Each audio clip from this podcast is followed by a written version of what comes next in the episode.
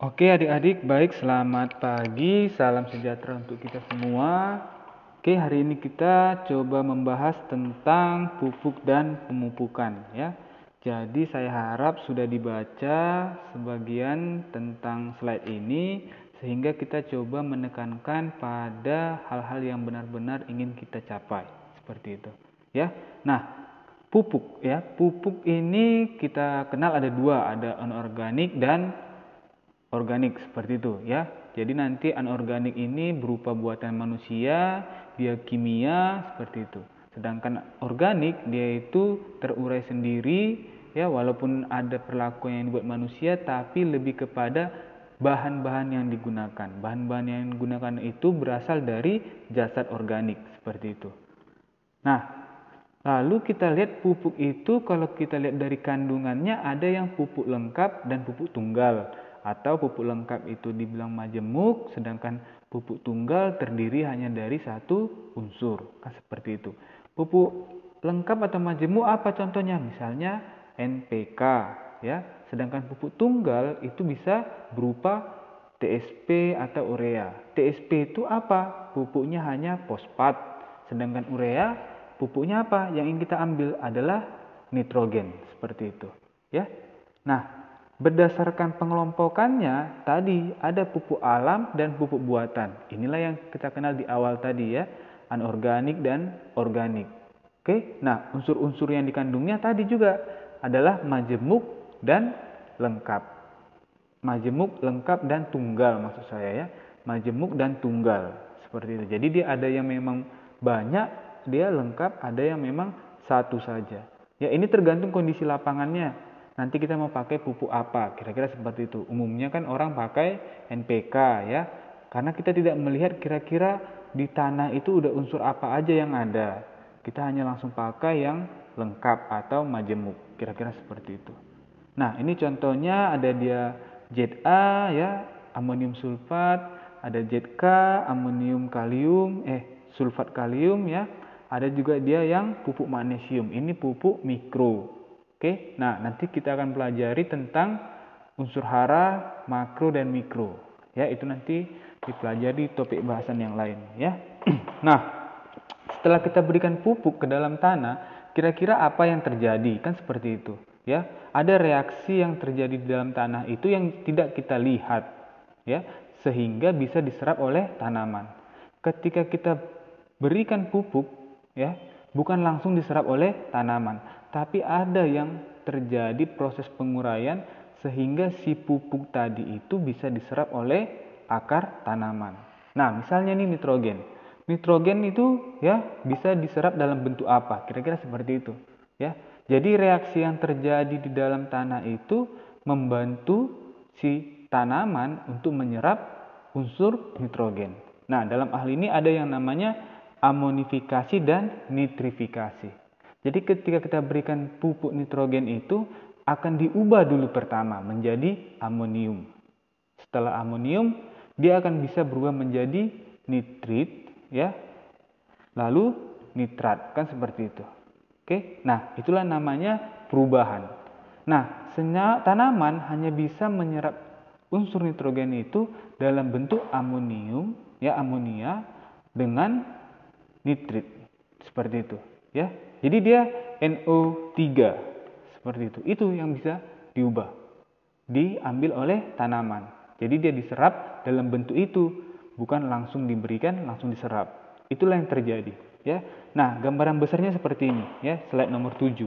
Jadi banyak yang terjadi di dalam tanah itu. Kita gak usah dulu bahas siklusnya ya, reaksi-reaksinya. Paling nggak kita tahu bahwa tanaman itu menyerap bukan ketika kita langsung berikan pupuk. Ya, jadi dia dalam bentuk ini. Ada ya amonia, lalu nitrit ya, diubah menjadi nitrat. Kan seperti itu. Asimilasi. Nah, yang diubah ini apa? Nitrat ini yang diserap oleh tanaman. NO3. Kan seperti itu. Itu yang diserap oleh tanaman. Dari gambar ini kan kita bisa melihat bahwa yang diserap itu ada bentuk amonia, ada bentuk nitrat. Nah, jadi di dalam tanah itu kan banyak mikroorganisme, banyak organisme itu yang mengubah pupuk tadi itu supaya dapat diserap oleh tanaman. Ya, seperti itu. Oke ya, jadi kalau kita perhatikan sebenarnya banyak reaksi ya, banyak reaksi yang terjadi sehingga bisa diserap oleh tanaman ya. Kadang-kadang bahwa pupuk N ini ya bisa langsung kebutuhan tanaman akan nitrogen itu bisa langsung diserap oleh tanaman, terutama tanaman leguminosa dengan proses yang namanya fiksasi. Cuman fiksasi nitrogen dari udara ini ada bantuan, bantuannya oleh bakteri seperti itu. Misalnya tanaman leguminosa itu yang paling umum kita kenal adalah kacang, kacang tanah seperti itu. Jadi ketika si kacang tanah ini bisa menyerap nitrogen dari udara, ya kita katakanlah memfiksasinya kan seperti itu. Nah, kan pupuk nitrogen yang seharusnya kita beri bisa berkurang. Nah, kurang-kurang lebih seperti itu, ya. Tapi hitung-hitungannya ada, ya. Nah, itulah yang terjadi ketika kita memberikan pupuk nitrogen. Jadi reaksi-reaksi itu yang ada di dalam tanah yang kemungkinan besar itu yang mana yang terjadi ya itu yang terjadi banyakan apakah banyakan diserap oleh tanah atau oleh tanaman atau terbuang ke udara kembali. Ya seperti itu masuk siklusnya. Oke nah dari gambaran ini bisa kita lihat ya persentase antara O2 ya dalam aliran udara untuk reaksi reaksi dengan produksi NNO3 kan seperti itu ya. NNO3 ini apa? Tadi adalah ni nitrat. Kan seperti itu yang akan diserap oleh tanaman. Jadi semakin ya lihat nih. Semakin kondisi oksigen di dalam tanah itu cukup ya maka NO3 tadi itu produksinya semakin tinggi. Kan seperti itu. Makanya butuh kita aerasi si tanah itu. Kita cangkul lah kita traktor lah lalu kita berikan porositasnya baguslah kita gemburkan. Nah sebenarnya reaksi-reaksi itu yang tidak terlihat. Tapi kita hanya mengenal dengan oh tanahnya harus digemburkan. Kira-kira seperti itu ya kenapa? Karena pengaruh juga oksigen di dalam tanah itu dalam produksi NO3 kenapa? Karena tadi ada mikroorganisme yang mengurai ya mengurai si nitrogen tadi itu menjadi bentuk yang tersedia atau dapat diserap oleh tanaman. Oke, nah tiga hal ya yang dapat kita ambil dalam proses nitrifikasi itu adalah ya butuh oksigen, membebaskan H positif dan kecepatan perubahan lingkungan. Ya ini tidak usah terlalu bahas ya karena ini masuk ke reaksi kimianya. Oke, nah sekarang kita lihat nih oksidasi amonium ya ini tadi kan kalau dari siklus tadi kan dia bisa dia langsung diserap oleh amonium ya dalam bentuk amonium bisa langsung diserap. Bisa juga tadi dalam bentuk amonium dilanjutkan menjadi nitrit, lalu dilanjutkan menjadi nitrat. Ya tergantung ya, tergantung dari si akar tanaman tadi itu dapatnya pada bentuk apa. Oke, ya ini juga reaksi oksidasi ya, oksidasi dan reduksi.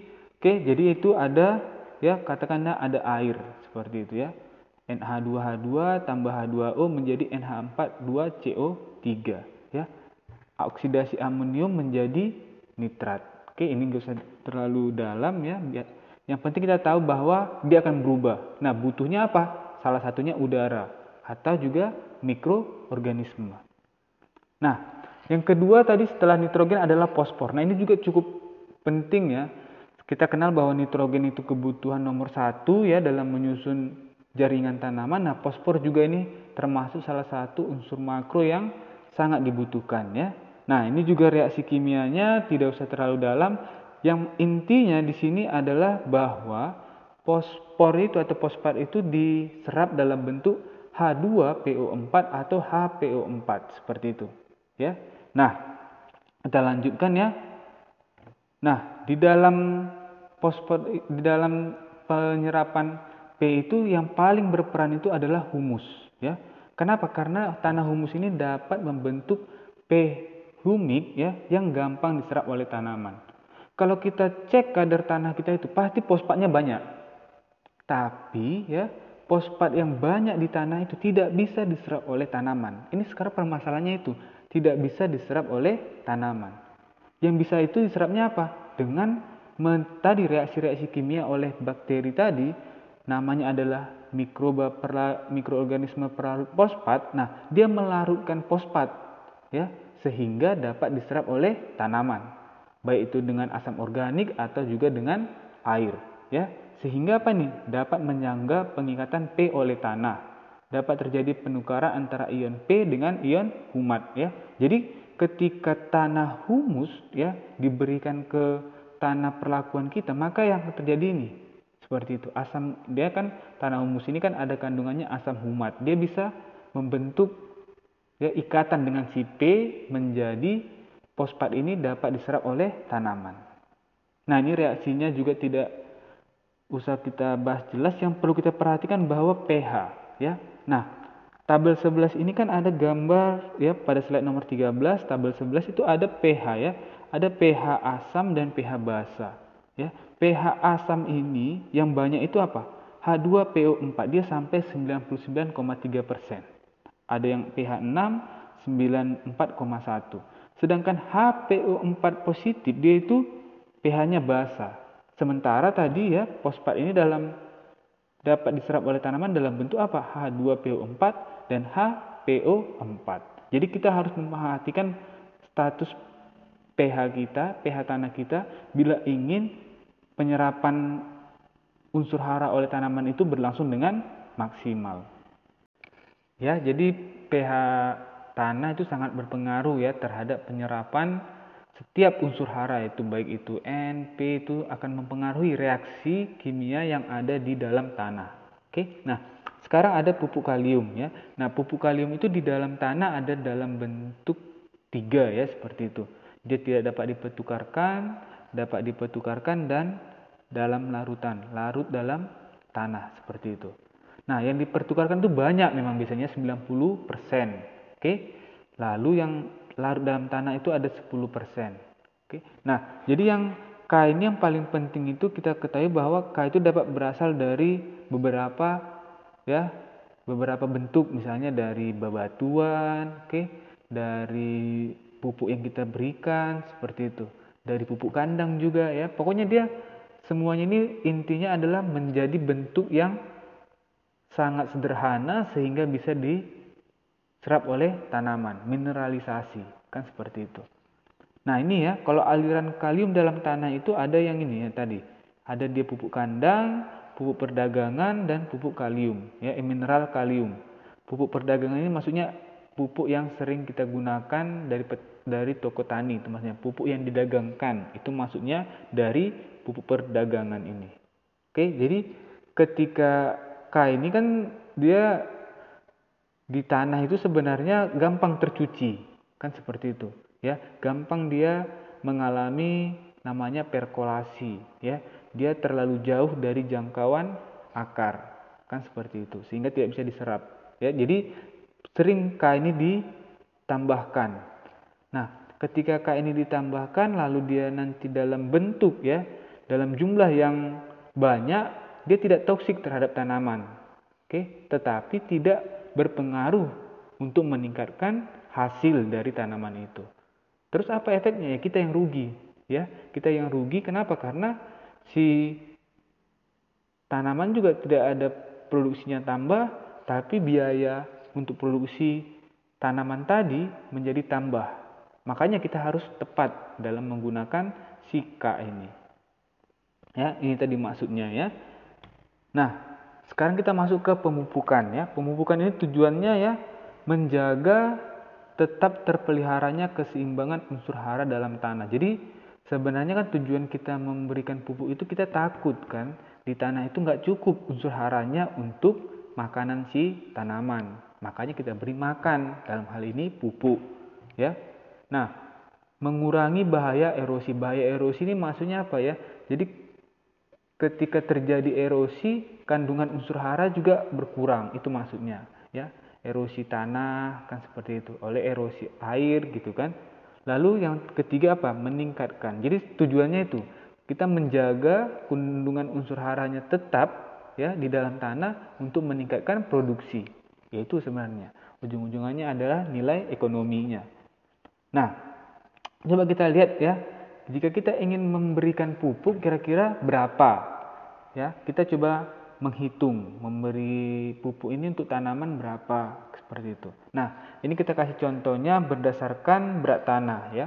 Kalau sudah dibaca ya, sebenarnya tidak terlalu sulit ya hitung-hitungannya kan seperti itu.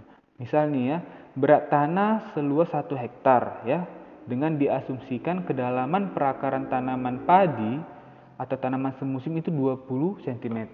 Ya, jadi kita ingin misalnya mengadakan percobaan di dalam rumah kaca atau di dalam nursery terhadap tanaman padi ya.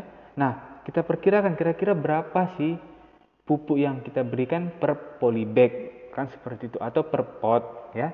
Nah, kita misalkan ini berat tanah seluas satu hektar. Kita menghitung pupuk tadi berdasarkan berat tanah. Ada lain-lain juga ya ada banyak cara menghitung pupuk yang kita berikan. Misalnya berdasarkan berat tanah, berdasarkan jumlah tanaman kan seperti itu ya. Nah, kita asumsikan tadi satu hektar dengan kedalamannya 20 cm. Berarti berat tanah untuk satu hektar itu berapa? Kan seperti itu. Kita hitunglah, itu artinya kita hitung apa? Volumenya, ya, volume dari si tanah tadi itu dalam satu hektar. Kira-kira seperti ini ya. Tinggi atau kedalaman tanah 20 cm sama dengan 0,2 meter. Luas satu hektar itu berapa?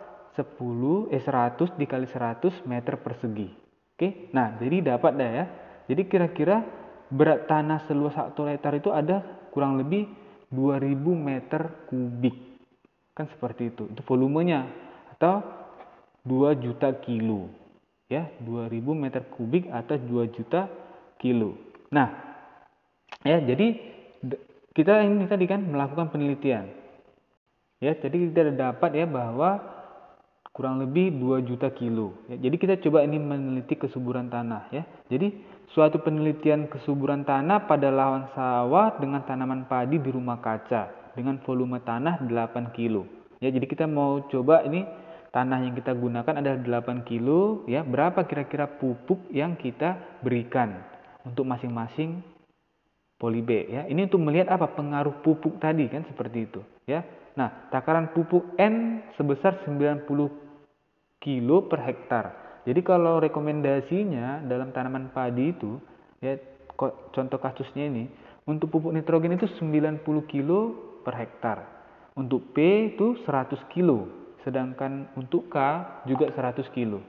Nah, berapa masing-masing pupuk yang diberikan pada setiap pot? Kan seperti itu. Itu yang perlu kita cari. Nah, ya, jadi di dalam pupuk NPK ini ya itu kan majemuk. Nah, ini kita lihat dia menggunakannya pupuknya adalah pupuk tunggal.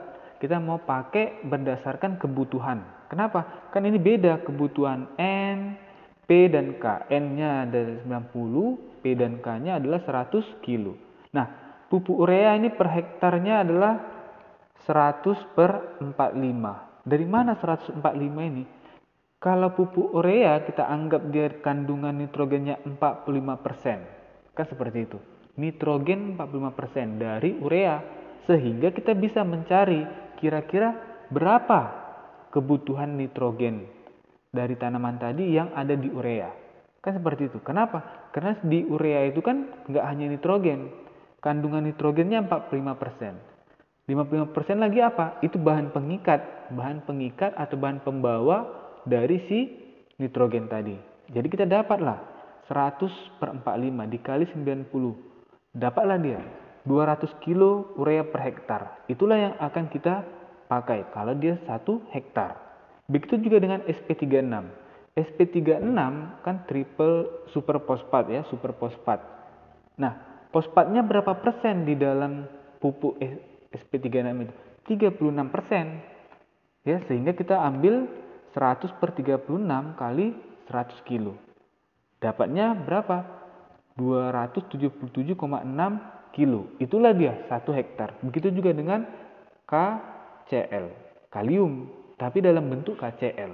Ya, dia ada 222 kilo. Nah, yang kita inginkan tadi kan dalam perlakuan pot, polybag atau pot. Yang tanahnya tadi berapa? 8 kilo. Jadi 8 ya, 8 kilo per tadi jumlah tanah satu itu berapa? Kita asumsikan. Ada 2 2 juta. Kan seperti itu. Dikali berapa tadi urea yang mau dipakai satu hektar? Ada 200 ribu gram kan seperti itu atau 200 kilo kalau kita mau buat satuannya gram supaya nanti dapat hitungannya lebih gampang bisa Jadi 8 dibagi 2 juta dikali 200 ribu gram urea. Dapatlah dia 0,8 gram urea atau sama dengan 800 mg per pot. Itulah yang kita berikan satu pot. Ya, jadi dari situ kita bisa menilai. Jadi kalau kita mau melakukan ya katakanlah ini ya penelitian kecil-kecilan untuk melihat pengaruh pupuk N ya urea terhadap apa kan seperti itu. Misalnya terhadap ya bisa terhadap pakcoy ya terhadap sawi ya sawi manis misalnya kailan seperti itu. Nah ini dasarnya seperti itu ya kalau tadi kita berdasarkan menghitungnya berat tanah. Oke? Ya. Nah, coba kita lanjut ya. Saya harap bisa paham. Nanti kalau tidak paham bisa ditanya aja ya. Nah, lalu kita buat nih perhitungan kebutuhan pupuk. Ini yang berikutnya yang lain berdasarkan analisis tanah di lab. Tadi kan nggak ada ya. Bukan analisis tanah di lab, tadi berdasarkan berat tanah ya mau kita pakai. Nah, ini sekarang ada analisis tanah di lab ya. Katanya seperti ini. Berat 1 hektar tanah gambut ya kedalaman 20 cm BV ya ini berat volume atau BD bulk density ya sama itu 0,2 gram per cm kubik. Berat tanah satu hektar berapa? Nah, sama ya, dia cari berat tanah dulu. Dapatnya berat tanahnya berapa? 4 kali 10 pangkat 5 kilo. Kan seperti itu, itu berat tanah. Ya, ini berdasarkan analisis. Jadi kan tadi kita nggak tahu tuh N-nya berapa di tanah itu. Nah, ini kita lihat. Nah, perhitungan kebutuhan nitrogen ya untuk jagung misalnya ini pada slide nomor 21 ya. Nah, N total tanah itu ternyata 1,9 persen. Setelah dicek ya tadi berdasarkan analisis tanah, ternyata kandungan nitrogen di dalam tanah itu sekitar 1,9 persen tanah yang kita coba ya. Nah, kira-kira N total dalam tanah itu berapa? Ya, kan seperti itu. Nah, N total dalam tanah ya sama dengan apa? 1,9 di per 100 kali 4 10 pangkat 5. Tadi kan 1,9 persen. Dapatlah dia 7.600 kilo per hektar. Jadi dalam satu hektar tanah itu terdapat kurang lebih 7.600 kilo.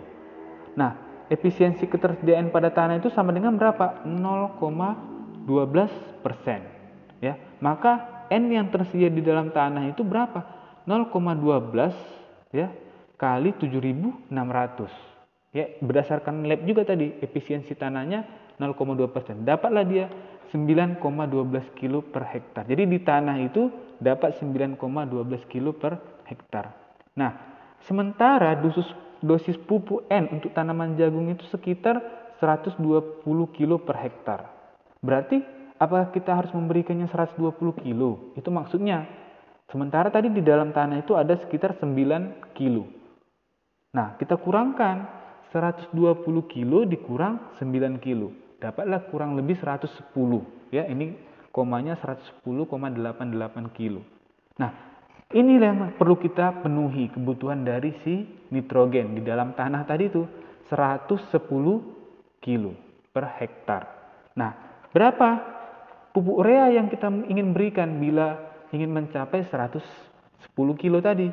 Nah, ini dia Tadi ureanya ada yang 45, ada yang 46 persen. Kalau yang ini ureanya 46 persen, oke, kita kalikan saja 100 dibagi 46 dikali 110. Dapatlah dia 240 kilo urea per hektar. Artinya kita sudah menghemat berapa kilo urea bila tadi kalau seandainya kita gunakan full 120. Nah, maksudnya seperti itu. Jadi kalau kita lakukan dulu analisis tanah ke sem ke bagian lab ya, kita dapat melihat kira-kira tanah kita ini kandungan N-nya berapa sehingga kita dapat memberikan pupuk yang kandungan N-nya itu yang lagi dibutuhkan ya. Jadi tidak usah melebihi karena nanti juga akan berpengaruh terhadap harga dan juga tanah yang akan kita gunakan. Ya. Oke, Baik ya adik-adik bila tidak paham, kurang paham, bisa ditanyakan ya apa yang kurang paham dari perhitungannya. Oke, cukup sekian hari ini. Ya, terima kasih. Semoga dapat dipahami ya. Kalau tidak paham ditanyakan saja di dalam komentar. Terima kasih. Selamat pagi.